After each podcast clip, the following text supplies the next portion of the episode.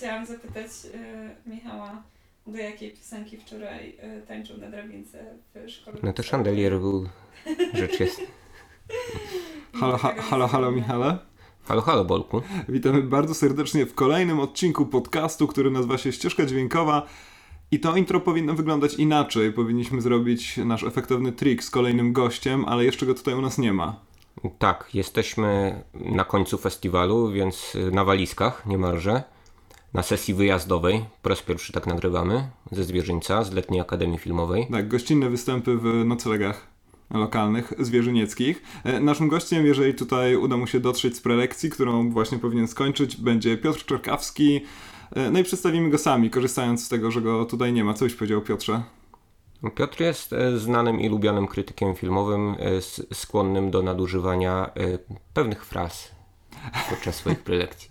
E, tak, jeżeli kiedykolwiek w życiu czytaliście jakąkolwiek e, recenzję filmową albo wywiad z jakimś okołofilmowym chociażby twórcą, no to prawdopodobnie była to rzecz autorstwa e, Piotrka Czerkawskiego. Będziemy sobie rozmawiać o festiwalach filmowych, które Piotr zwiedził wzdłuż i wszerz i od razu to, co pewnie już rzuciło wam się w uszy, to znaczy ze względu na polowe warunki, to nagranie będzie cechowało się gorszą jakością nagrania, gorszą strukturą, pewnie będzie się trochę brzydko rozłazić. Wszystko tu będzie gorsze. Wszystko, tak? wszystko tu będzie gorsze. Ci, ci z Was, którzy zaczynają dopiero przygodę z podcastem, który nazywa się Ścieżka Dźwiękowa, niech po pierwsze dzięki, bardzo, bardzo, bardzo, bardzo jesteśmy Wam wdzięczni, a po drugie pamiętajcie, że poprzednie odcinki są zrobione trochę, trochę porządniej. Niewiele, ale trochę. Tak, także dajcie lajka, zanim przesłuchacie Właśnie, od razu, żeby później Wam się coś e, nie odwidziało. Te dźwięki, które być może słyszycie w tle, to chyba kuchnia po prostu, coś się tam, coś się tam wydarza. Nie, to zwierzęta miejscowe.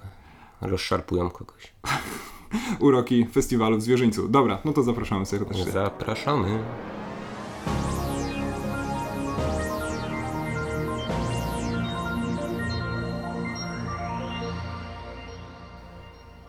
No i jest już zna... Nie, nie, jeszcze ciągle, proszę Państwa, czekamy na Piotra Czerkawskiego, który na pewno zaraz tutaj dotrze, więc tymczasem, Jedzie metrem w zwierzyńcu. tymczasem pogadamy Nowo sobie sami linią o festiwalach filmowych, bo bez przesady też na jakichś tam kiedyś byliśmy. E, Michał, ja mam taki podstawowy problem z festiwalami filmowymi, dlatego też nie jestem jakimś super e, miłośnikiem tego typu imprez, bo połowa filmów jest do niczego, a na drugiej połowie śpię po prostu w wyniku zmęczenia, który jest rezultatem jakichś nocnych ekscesów. Jak ty się zapatrujesz w ogóle na ideę oglądania filmów na festiwalu? Ale to na wszystkich festiwalach tak masz, niezależnie od tego, czy jest to jakiś e, festiwal makaronów na przykład, czy też festiwal e, gutkowy, na którym nigdy nie byłeś skądinąd. Byłem, byłem dwa razy na, na- Horyzontach, na których tylko, spałeś? jeszcze w Cieszynie. Na wszystkich festiwalach śpisz, tak? Nie, no na, na, na wielu śpię. Tutaj przypominam sobie taką e, anegdotę właśnie z festiwalu w Cieszynie z 2002 roku bodajże, Nowych Horyzontów, gdzie byliśmy z kolegą na przeglądzie filmów niejakiego Bailey Tora, czy też Tora, słynnego węgierskiego Tora. twórcy, e, który tam pokazywał bodajże, albo pokazywali za niego, on już chyba był wtedy w takim stanie, że za bardzo nie wiedział, co się dzieje z jego filmami, e, bodajże Hamleta. Taką e, telewizyjną produkcję, którą on kiedyś wyreżyserował. Macbeta zrobił. Macbeta, Hamleta, to No, jest nieważne, nieważne, nie rozmawiamy Kotleta. tutaj, rozmawiamy o filmach, nie o jakichś tam bzdurach pisanych, wystawianych E, i wcześniej puścili nam jeszcze krótkometrażówkę pod uroczym tytułem bodajże Podróż przez Dolinę lub też Równinę, zależy z jakiej perspektywy patrzeć. No i już na tej krótkometrażówce niestety zaczęliśmy wysiadać, no i na sprawa, że mieliśmy wtedy chyba poniżej 15 lat, więc jeszcze nie byliśmy w stanie docenić wielkiej sztuki tego węgierskiego mistrza. No i mój kolega już chyba nie obudził się przez cały film i tylko opowiadał mi, że kiedy otwierał na chwilę oczy, stwierdzał, że to ciągle leci tor, więc może spać dalej. No i to jest taka rzecz, która do dzisiaj kojarzy mi się przede wszystkim z festiwalami. Tak jak długie wykłady na uniwersytecie. Tam No tak, ale wyciągnąłeś tutaj taką armatę slow cinema, y, jak Bellator, który wiadomo, że usypia 90% społeczeństwa. Pozostałe 10% y, udaje, że nie śpi na jego filmach. Y, Robi filmy o y, zjadaniu ziemnioków i łotewskich chłopach. Y, Pozdrawiamy wszystkich fanów Bellitora przy okazji. chłopów. Ale nie tylko przecież takie filmy są na festiwalach filmowych. No Tak, no ja też trochę się sparzyłem, ponieważ jeździłem na Nowe Horyzonty jeszcze w czasach, kiedy rzeczywiście tam ten repertuar by, był tak maksymalnie nieoglądalny. Z tego co wiem, to się teraz już to trochę zmieniło. Pamiętam też z Cieszyna, że gdzieś tam na środku jakiegoś pomniejszego ryneczku był słup. Na tym słupie był e, plakat tamtejszej edycji, e, ówczesnej edycji festiwalu Nowe Horyzonty. To była taka wielka głowa z filmu e, Ecce Uomo, wybaczcie mój włoski, który był oczywiście na festiwalu pokazywany i na czole tej, mm, te, tej głowy był wypisany wielki napis zrobieni w Gutka. I to jest taka rzecz, która właśnie długo mi się z Nowymi Horyzontami kojarzyła, no ale No to ja wiele wspaniałych rzeczy uspokajam, tam że obejrzałem- we. Wrocławiu na Nowych Horyzontach, y, na które jeżdżę od lat kilku, y, można także obejrzeć filmy dla ludzi. Y, Między innymi tam obejrzałem oczywiście nie po raz pierwszy Pamięć Absolutną, Poszukiwaczy Zaginionej Arki, Kobrę ze Stalonem. Także zda- znalazłbyś coś dla siebie, myślę. Tak, tak, znaczy ja oglądałem też tam chociażby Takasiego Mikę, o którym wspominaliśmy. No właśnie, sekcja Nocne Szaleństwo jeszcze jest odcinka. zwykle. Tak, a tam wtedy jeszcze były takie uroki, no, warunków cieszyńskich, które nie ma jakiejś, Cieszyn, nie ma jakiejś rozbudowanej sieci kin, więc tam w różnych takich quasi zaimprowizowanych salach, albo nawet nieodnowionych, tylko na chwilę dostosowanych do pokazywania filmów się odbywały różne pokazy, więc na przykład w jednej z sali w w sali, w, której, w którejś ze szkół. Pamiętam, kiedy było wyjątkowo ciepło, to można było. Oczywiście tego nie robiłem, bo nawet kiedy miałem 14 lat, to już miałem świadomość moralną bardzo mocno wykształconą, ale można było wejść właściwie nie kupując biletu, ponieważ wszystkie drzwi i okna były pootwierane, żeby ludzie nie poumierali w środku. Chyba tam wtedy rosyjską arkę widziałem, ale na legalu. Ale Oczywiście. widziałeś cokolwiek, gdy otworzono okna w dzień, jak mnie mam, tak? I wpuszczono tam światło? No czasem lepiej było nie patrzeć na ekran, po prostu. Więc Okej. być może to była też jakaś sugestia. No, takie trochę improwizowane warunki tutaj na Letniej Akademii Filmowej w Zwierzyńcu mamy, prawda? Jest jedno kino, kino takie Skarb się nazywa, które e, notabene jeszcze kilka lat temu służyło tylko Letniej Akademii Filmowej, teraz e, podobno przez cały rok coś tam jeszcze można obejrzeć. No a poza tym mamy sale gimnastyczne w technikum drzewnym, między innymi można sobie pooglądać filmy. Tak, dokładnie. Biorąc pod uwagę, że pewnie duża część ludzi, którzy są zakochani w kinie i e, jeżdżą po festiwalach maniakalnie, ma nie najlepsze wspomnienia z lekcji WF-u, no to, no to teraz rzeczywiście można się wyleczyć z jakiejś ewentualnej traumy z piłką lekarską. Tak, o ile bardzo polecam letnią Akademię Filmową ze względu na piękne okoliczności przyrody, y, wszystkie dodatkowe atrakcje zwierzyńca w postaci y, kajaków, wycieczek rowerowych, możliwości gry w tenisa, y, w badmintona, czy jak mówią bardziej wtajemniczeni Babingtona i tak dalej. To- E, to jednak warunki samej projekcji pozostawiają sporo do życzenia, zwłaszcza w konfrontacji no, z tym multiplexem Nowe Horyzonty, w którym się festiwal Romana Gutka teraz we Wrocławiu odbywa, Tak, ale Byłem tam, żeby nie było. Byłem tam e, nie tylko na festiwalach, ale też na przykład na innym gutkowym festiwalu, czyli na American Film Festival, który ogromnie mi się podoba. Naprawdę, to jest kapitalny wynalazek. dlatego polecam do oglądania filmów na sali gimnastycznej własny leżak albo y, krzesełko wędkarskie, chociaż leżak jest chyba wygodniejszy od krzesełek Takie wędkarskich. krzesełko z napisem reżyser z tyłu. Dokładnie, na przykład, albo Krzysztof Zanussi. Chociaż Nie, to też nie, reżyser. No właśnie. Broń Za- Boże, kontrowersyjne tezy się pojawiają. Au, autorytet. Tak może być na tym krzesełku Po napisane. prostu tak, nic więcej. Albo z własną karimatą na taki festiwal też y, zapraszam, dlatego że y, rzeczywiście siedzenie w, na tych y, no, nie najwygodniejszych, że takiego eufemizmu użyję, krzesełkach w festiwalu w Zwierzyńcu, o ile można nazwać go festiwalem, bo zaraz do, men, do, do nomenklatury, przepraszam, jakie Mamy- trudne słowo ma- y, nomenklatury. y, festiwalowej przejdziemy. I już uciekła mi myśl, y, aha, właśnie na tych krzesełkach y, siedzi się cokolwiek niewygodnie, w przeciwieństwie e, do nowohoryzontowych krzeseł lotniczych, na których z kolei no, łatwiej się zasypia, więc ja nie wiem, czy tutaj mamy y, mimo wszystko, tak jak mówiłeś, y, w warunkach festiwalowych. Ktoś O, zapukał. Tak. Zapraszamy, To proszę pięknie, wejść. pięknie nam pan e, przerwał Proszę się nie mo- moje zdanie buty. pokrętne. Dzień dobry. Witamy, witamy zbłąkanego wędrowca. Nie, może zostawimy tak. Tak, nie może tutaj mikrofonu. z- zmarszu. Ja się tylko przesiądę, skoro mikrofon już jest włączony. Zapraszamy, A, zapraszamy a, z, a, a z, z marszu gość do nas dołączy. Już pochyla się nad mikrofonem. Już jest coraz bardziej ośmielony. To może nic nie będę mówił, tylko będziesz komentował. E, Znakomity sweter. E, Pod tym e, wysuwa się, Szpakowski polskiego podcastu. wysuwa się delikatnie zieleń koszulki festiwalowej, o ile się nie mylę. Po- Rozpoznaję po charakterystycznym kołnierzyku, ale już dość o ubraniach. Posłuchajmy alabastrowego głosu Piotra Czerkawskiego, który opowie nam teraz, nie wiem, chwilę, powinien się przedstawić, bo już się przedstawiliśmy w ogóle, to o tym nie wiesz, bo cię nie było, ale już wszystko To może. E, Zrobiliśmy dyletancki wstęp 10-minutowy, więc teraz komentarz eksperta, tak żeby wy- wyprostować te wszystkie głupoty, Z które Komisji Kontroli Gier i Zakładów. Się może ukłonię Państwu. Potwierdzamy, ukłonił się. komora mózgowa jest pusta, następuje zwolnienie blokady. Festiwale to spotkania z wielkimi twórcami albo mniejszymi twórcami.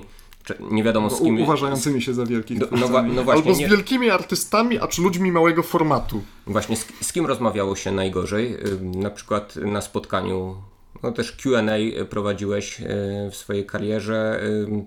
No i właśnie o takie spotkania festiwalowe chcieliśmy y, zapytać, czy były jakieś spektakularne wpadki? Musiałbym zamilknąć, bo najgorsze wrażenia odczuły Polaków. Polskich twórców, więc wolałbym Okej. się z ty, tym nie dzielić, jeśli chodzi o konkrety. Chociaż y, oczywiście nie wolno generalizować. Z wieloma twórcami było y, znakomicie. Inna rzecz, że mnie się trudno rozmawia, choć oczywiście znowu są szlachetne wyjątki, z aktorami. Bo zwykle, jeśli ktoś operuje emocjami, to, to nie ma obowiązku, żeby umieć ubierać je w słowa adekwatnie czy atrakcyjnie, a jak do tego dochodzi jeszcze też warunkowana przez różne przymioty tego zawodu. Miłość własna, to ten koktajl staje się trudny, bardzo, bardzo taki cierpki w smaku, ale z drugiej strony też istnieje parę takich mitów wewnątrz dziennikarskich, w tym środowisku krytyczno-filmowym dotyczących konkretnych osób, jakich warto unikać, z którymi przejścia bywają trudne. Na szczęście miałem okazję je zweryfikować w takim stopniu pozytywnym dla mnie. Zresztą w ogóle muszę powiedzieć, że te momenty, w których jesteśmy rozczarowani czy, czy zdruzgotani spotkaniem z jakimś znanym twórcą, należą do rzadkości. One potem utrwalają się, przechodzą w wymiar anegdoty, ale dlatego, że jest ich tak mało, właśnie. Natomiast jeśli chodzi o ten wyjątek potwierdzający regułę, to bardzo dobrze mi się rozmawiało kiedyś na festiwalu w Wenecji z Izabel Iper, która jest uważana za taki postrach, za zołzę, za cyniczkę, za kogoś, kto w pianistce grał siebie niemalże. Absolutnie się to nie potwierdziło. Raczej... Ująłeś się czymś na początku? Pró- próbowałeś różnych strategii, jak ją podejść i tak dalej? Zadałem mądre pytanie, pochwaliła jej. I a, potem, potem, poszło to- już, potem poszło już z górki rzeczywiście z taką elegancją i, i wdziękiem, którą czasem kojarzymy z, z światem francuskiego kina. No właśnie, a jak to jest od tej strony technicznej? Bo jestem przekonany, że większość naszych słuchaczy nie wie dokładnie, jak wygląda sprawa umawiania takich wywiadów na festiwalach. Czy na przykład stoicie w jakiejś kolejce, każdy z Was ma 3 minuty, czy skupiacie się wokół stołu, przekrzykujecie się, czy właśnie jest miejsce na jakąś taką pewną intymność, zadawanie mądrych pytań i tak dalej. Czy to właśnie zależy od festiwalu? Zależy od festiwalu, ale zwykle jest z tym krucho. Im większy festiwal, tym sytuacja robi się trudniejsza. To miejscowe węże. Tak, to jak, jak, jakieś podejrzane zwierzę. Spróbujemy się nim nie przejmować na razie.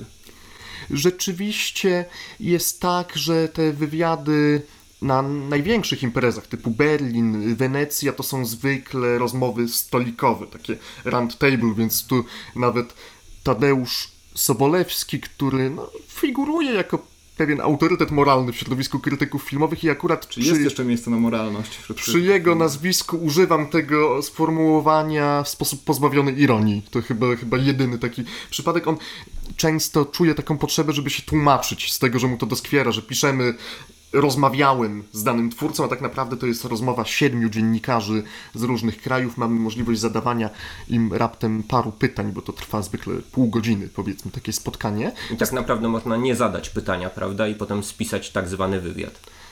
Można, chociaż zwykle sytuacja jest odwrotna, raczej rzeczywiście jest walka o ujęcie tego gościa, o zdobycie jego uwagi, także aż tak dużego cynizmu tym wszystkim nie ma, no ale z drugiej strony no, typowo pragmatyczna kwestia. Jeśli można zrobić w takich warunkach wywiad z jakąś gwiazdą czy z mistrzem, a nie robić go w ogóle, to że oczywiście korzystamy wszyscy z tego przywileju. No, czasem zdarzają się też przyjemne niespodzianki, jak kiedyś na festiwalu w Berlinie bardzo mocno zabiegałem o to, żeby przeprowadzić rozmowę z Mathieu Amalriciem, którego uwielbiam, który jest jednym z moich ulubionych aktorów.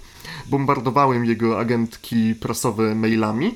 Przez długi czas nie przychodziła żadna odpowiedź, po czym dostałem długiego maila, z którego wynikało, o czym wcześniej już wiedziałem, że Amalric nie lubi udzielać wywiadów, uważa to za bezcelowe, ale że moja determinacja go ujęła i w takim razie zaprasza właśnie na półgodzinną rozmowę jeden na jeden. Rzeczywiście ona się odbyła, zaczęła się na papierosie, bo on się gdzieś spieszył, więc poprosił, żeby to tak mogło się odbyć. Ja wprawdzie nie palę, bądź też palę bardzo rzadko, ale stwierdziłem, że właśnie na potrzeby późniejszych audycji radiowych będę mógł opowiadać, że wysępiłem papierosa od Matija Amalryka. Zaczęliśmy od rozmowy o kobietach. Ogólnej, a potem O przeszliśmy czym rozmawiać przy papierosach? z Matija Amalrykiem, prawda? Y, A propos zaimprowizowanych warunków rozmów, to musimy przesłuchać. Nie przesłuchać naszych y, przepraszaczy, tylko przeprosić naszych słuchaczy, bo ten dźwięk tajemniczy z rur jakichś albo diabeł wie skąd, y, no, będzie nam towarzyszył niestety przez najbliższe kilka minut co najmniej, a no nie mamy czasu, żeby go przeczekać. Ale pamiętacie Dopóki ten, ku- kuchnia nie wybuchnie, tak? Bo ten was- słynny wywiad y, z Michelem Welbeckiem na, na YouTubie dostępny, gdzie rozmawiają z nim dziennikarze na ulicy, ale słychać odgłos młota pneumatycznego i w ogóle nie wiadomo, co mówi Welbeck. Także do tego poziomu jeszcze nie doszliśmy. No nie doszliśmy do poziomu wywiadów z Grzegorzem Braunem, prawda? W lotniskowych warunkach. Bądź też na dworcu Warszawa Centralna, kiedy mówił o Gwiezdnych Wojnach, tak. Rzeczywiście.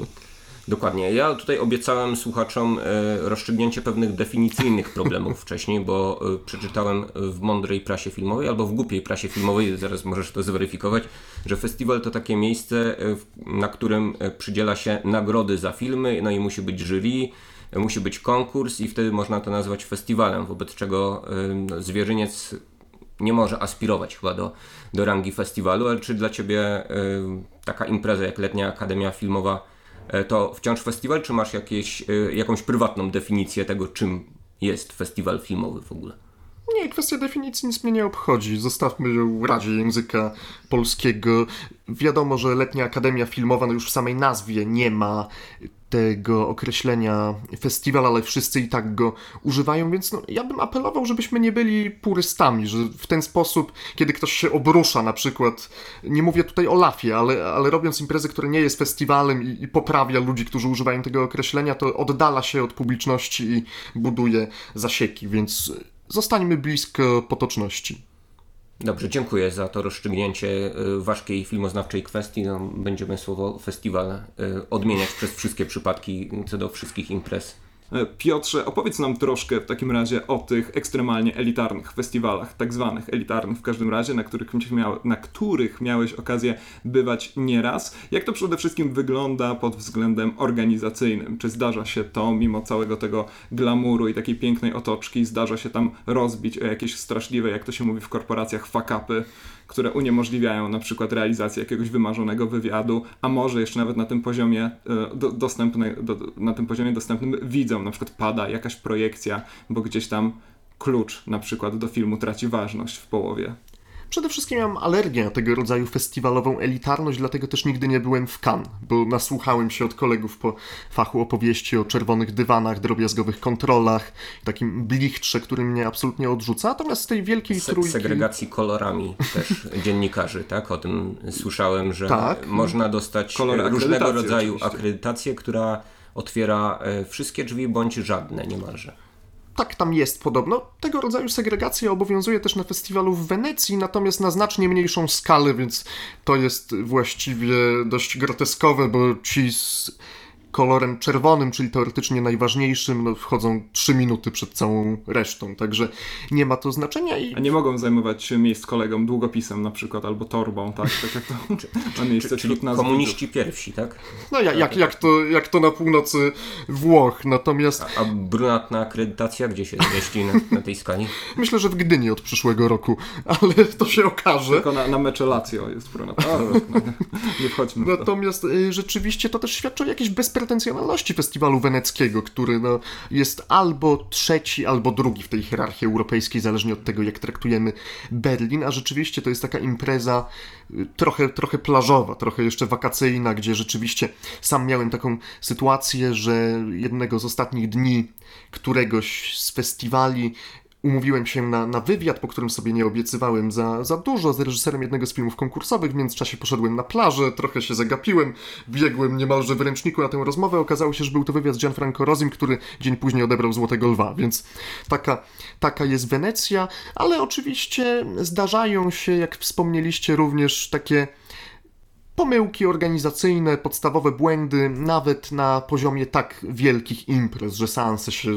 opóźniają, że nie słychać dźwięku, nie wyświetlają się napisy, także znowu jest to zachęta, żeby nie traktować tego wszystkiego z pełną powagą, tylko raczej z przymrużeniem oka. No oczywiście czynnik ludzki też potrafi zawieść, kiedy zwykle te wywiady z wielkimi twórcami odbywają się nazajutrz po premierach ich filmów. Wiadomo, że wcześniej odbywa się bankiet, to prowokuje czasem rozmaite opóźnienia. No, na wpół legendarna w środowisku jest historia o pokazie pianisty Romana Polańskiego w Cannes. To było wiele lat temu, więc nie miałem możliwości, żeby doświadczyć tego osobiście, ale słyszałem rozmaite historie o tym, jak to krytycy polscy bardzo negatywnie, nieprzychylnie odnieśli się do seansu, który odbywał się na zajutrz po takiej wielkiej polskiej imprezie, z której festiwal w Cannes słynie, a potem Polański otrzymał Złotą Palmę, trzeba było odszczekiwać te opinie i kilka miesięcy później pisać peany na jego cześć.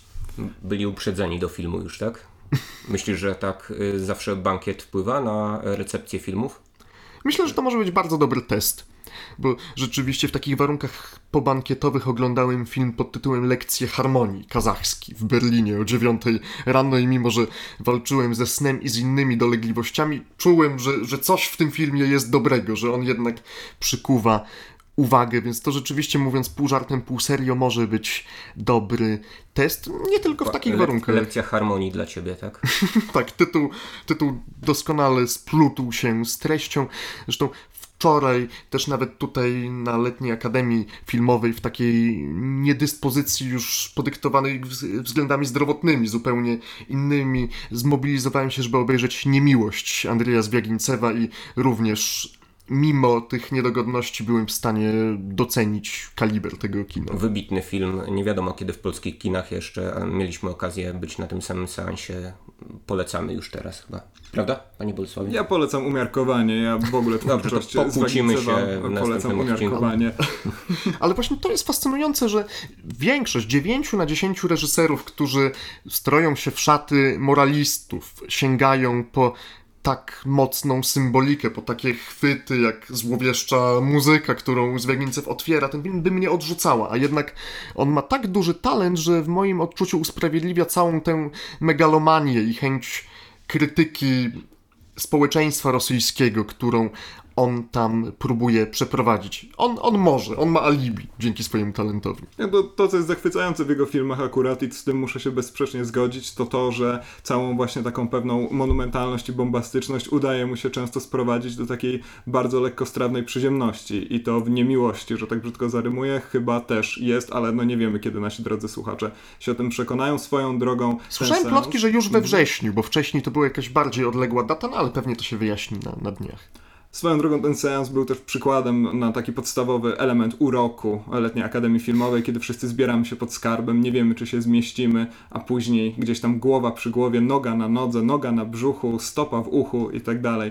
E, musimy te filmy oglądać, ale ciągle jest to rzecz wspaniała. Słuchaj, jeszcze a propos twojej aktywności też zwierzynieckiej, to chciałem cię zapytać o prelekcje, które tutaj robisz regularnie, chyba od momentu, kiedy przyjeżdżasz na LAW. E, powiedz mi, jak ty przygotowujesz się do prelekcji, co uważasz, że w takiej prelekcji powinno powinno się zdarzyć. Być może wśród naszych słuchaczy są też przyszli uczestnicy konkursu prelegentów filmowych, który w Zwierzyńcu odbywa się od kilku lat, więc chętnie posłuchają. Przede wszystkim, czego robić nie wolno, to oczywiście nie wolno zdradzać zbyt wiele, jeśli chodzi o fabułę. Chociaż też uważam, że nie wolno przesadzać w drugą stronę, że mamy do czynienia z taką alergią na, na spoilery, która czasem jest doprowadzana do granic absurdu, że wystarczy opowiedzieć dwa, trzy zdania wprowadzające raczej w kontekst niż streszczające to, co się dzieje i już bywa że pojawia się jakiś bunt czy, czy rebelia, to absolutnie myślę, że warto tutaj znowu zachować umiar czy pewną ostrożność, natomiast z całą pewnością nie wolno uczynić podstawą prelekcji streszczenia fabuły, już nie, nie daj Boże ocierania się o zdradzenie zakończenia. Przede wszystkim tak samo jak pisanie recenzji. Myślę, że te dwie aktywności nie tak bardzo się od siebie różnią. Warto wykonać solidny research, zobaczyć co napisali inni o filmie, o którym chcemy opowiedzieć. Pomocne, bardzo pomocne są wywiady z twórcami filmów, bo często oni opowiadają też interesujące z punktu widzenia widza historie dotyczące czy genezy filmu, czy tego, jak przebiegała praca na planie, czy tego, co było nietypowe, może, może zabawne. Oczywiście zawsze to plus, kiedy można uraczyć słuchaczy jakąś anegdotą czy zabawną historią, ale nie wolno tego czynić absolutnie na siłę, bo to wtedy jest przeciwskuteczne. Także, także znowu umiar plus solidne przygotowanie tutaj chyba byłoby jakąś receptą, jeśli można jakąkolwiek stworzyć oczywiście. Czy prelekcja w ogóle przed filmem to Twoim zdaniem dobry pomysł, czy nie lepiej byłoby je zastąpić po prostu dyskusją po filmie? Oczywiście wymaga to y, większych nakładów y, pracy też ze strony organizatorów. Trzeba, wiadomo, poczekać aż ludzie wyjdą, jakoś przygotować salę, zostawić ileś tam miejsca. No, na Nowych Horyzontach mamy dość często jedno i drugie, to znaczy dyskusje z twórcami po filmie. Ale tam nie ma prelekcji Y, za to. Tak, tak, do, dokładnie. Także y, nie wiem, które, który z tych wariantów dla Ciebie jest, jest lepszy w kontekście odbioru filmu i tego, co no, widz może się dowiedzieć koniec końców, no bo to jest najważniejsze chyba. Tak, w warunkach festiwalowych nie da się pogodzić tych dwóch rzeczy ze względów logistycznych, tak jak zauważyłeś, a też no, nie ma raczej szans, żeby przyjeżdżali twórcy tych głośnych filmów zagranicznych, więc ośmielę się stwierdzić, że prelekcja jest dobrym substytutem takiego spotkania, no ale oczywiście kiedy mowa o takich luźnych, pojedynczych seansach DKF-owskich, kiedy jeździmy do rozmaitych miejscowości, żeby spotkać się z widzami, to faktycznie przybiera taką formułę idealną, jaką nakreśliłeś, czyli najpierw prelekcja kilkunastominutowa, a potem, potem dyskusja o wrażeniach. Natomiast znowu, no jeśli nie jesteśmy jakimiś fanatykami tego, żeby nie było spoilerów, czy fanatykami dziewiczego spojrzenia na, na film, co wydaje mi się takim podejściem nagannym czy pozbawionym sensu, to jak najbardziej widzę taką potrzebę wygłaszania. Przypominasz sobie jakieś najdziwniejsze pytanie zadane na spotkaniu z danym twórcą, bo najpopularniejsze to jestem, przedstawić. jestem w stanie y, no, bez cienia wątpliwości mogę się założyć o to, że najczęściej zadawanym y, pytaniem na takich spotkaniach jest y, jaki będzie Pana następny projekt? Zaraz po co pana zainspirowało, jak mi się zdaje. No ale, ale są też z drugiej strony pytania bardzo ekstrawaganckie, ale z nimi to jest trochę tak jak z tym facetem, który spalił bibliotekę aleksandryjską po to, żeby jego nazwisko było później przytaczane, więc lepiej, lepiej nie dodawać im sławy i nie, nie, nie wspominać takich absurdalnych sytuacji, By, było coś się. w rodzaju trollowania spotkań, tak? Spotkałeś się z czymś takim, że wyczułeś, że te, to pytanie jest zadawane dlatego, że ktoś nie lubi danego twórcy na przykład? Ale to, to jeszcze bywa zabawne. Najgorsze są sytuacje, kiedy przychodzą aktywiści polityczni Okej. i próbują pod tym kątem atakować czy, czy prowokować rozmówcę.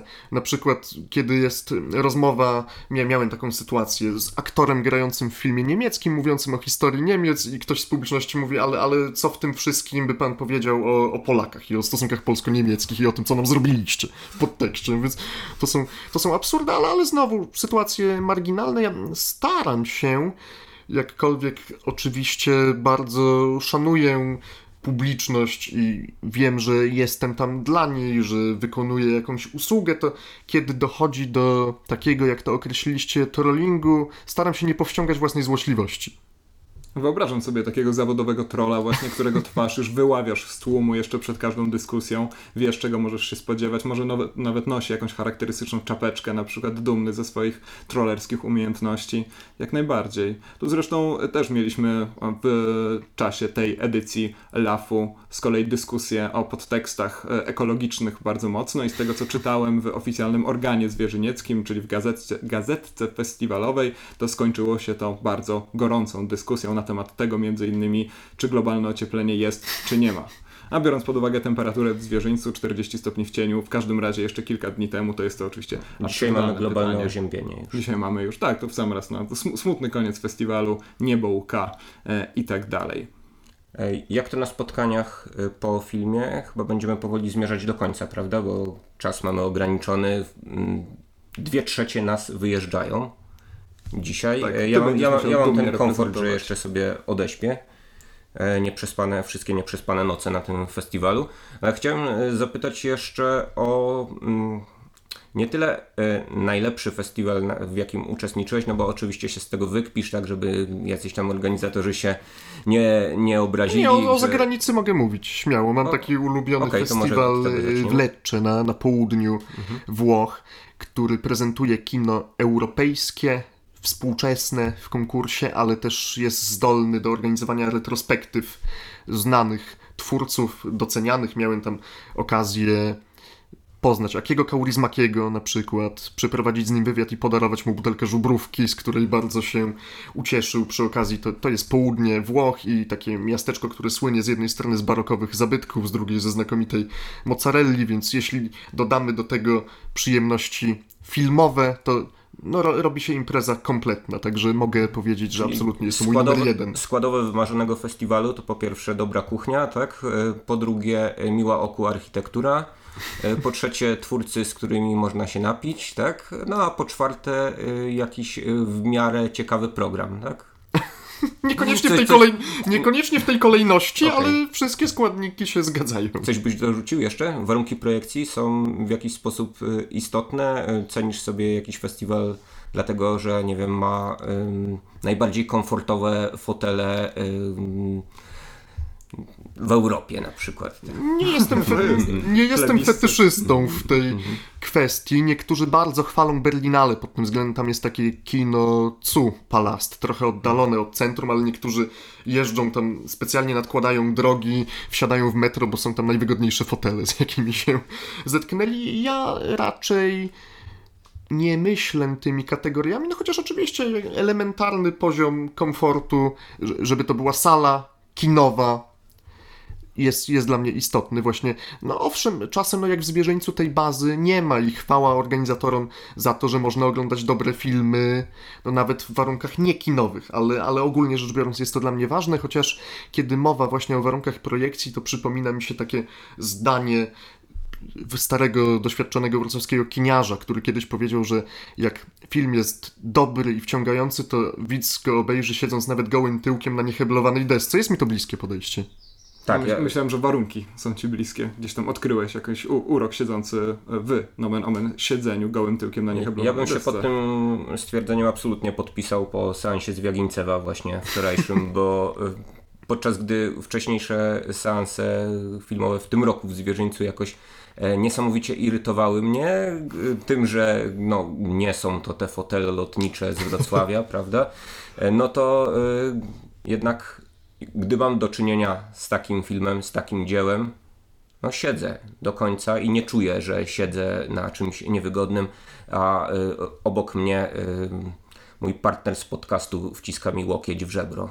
Ale to z sympatii głębokiej. No tak, czasem to może taka niewygoda projekcji może zadziałać w zupełnie zaskakującą stronę. Pamiętam, że oglądałem Kubrickowską Odyseję Kosmiczną na już nie katowickim niestety, ale może dla organizatorów stety festiwalu filmów kultowych. Oglądaliśmy to mianowicie w hotelu Monopol, który teraz jest bodajże jakąś tam wiksiarnią ostrą, ale wtedy był takim legendarnym wręcz miejscem w Katowicach, ponieważ znany był z czasów świetności w okresie międzywojennym, kiedy to tam pięknie ubrane panie oraz panowie jeździli na przeróżne e, wytworne rozrywki.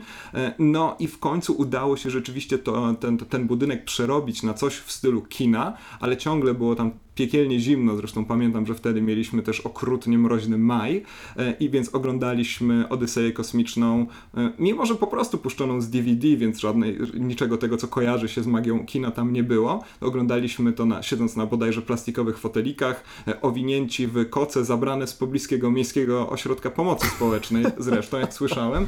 I to było zupełnie fantastyczne doświadczenie, ponieważ można było na własnej skórze odczuć tę mroźną pustkę kosmosu. Więc mimo, że obiekt... Kublikowski, tak? do- Przeniknął cię do głębi. Dokładnie. Mimo, że obiektywnie rzecz biorąc warunki fatalne, no to było to znakomite. Pamiętam też, że ponoć wolontariuszy ustawiano specjalnie w takich miejscach, które mogły się zawalić, żeby e, ludzie się tam nie pojawiali, e, nie, nie, nie przechodzili przypadkiem. sufity, tak? tak, tak, tak, dokładnie. e, W takim geście Atlasa. No ale to było, to, to, było naprawdę fantastyczne doświadczenie. Zresztą festiwal filmów kultowych za czasów, w każdym razie, kiedy tam bywałem, bo na nabrzeże jeszcze nie udało mi się wybrać, to też znakomita impreza, więc pewnie, pe, pewnie mogę ją polecić.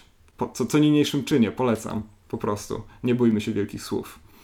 Nie bójmy się, nie bójmy. Nie bójmy się też zakończyć tego Tak, nie spotkania, bójmy się bo spóźnicie się na pociągi, samochody, samoloty, tak? Tak, dokładnie. No czym tylko można wydostać się ze zwierzyńca, bo to jest zawsze największe wyzwanie, jak uciec ze zwierzyńca, kiedy już rzeczywiście uciekać trzeba. Bardzo Ci Piotrze dziękujemy. za Dzięki serdeczne. E, No i do zobaczenia w czasie niedługim, mamy nadzieję. Naszych widzów odsyłamy, słuchaczy, ach, tak to jest, jak się mówi o kinie, do mikrofonu tylko i wyłącznie, nie do kamery. Patrzy na ekran. E, Za, zachęcamy do, co tam, co to, do czego zachęcamy? Do polubienia na Facebooku, do subskrybowania na YouTubie, no i, aha, do wystawiania recenzji na iTunes. Ostatnio dostaliśmy chyba pierwszą recenzję na iTunes od osoby, której nie znamy osobiście, więc bardzo dziękujemy. To, to, to jest bardzo, to jest prawie tak istotny moment jak to, kiedy naszą stronę na Facebooku zaczęło lubić więcej ludzi niż mamy znajomych w sumie my, więc naprawdę bardzo, bardzo dziękujemy i do usłyszenia. Do usłyszenia. Sayonara żółwie.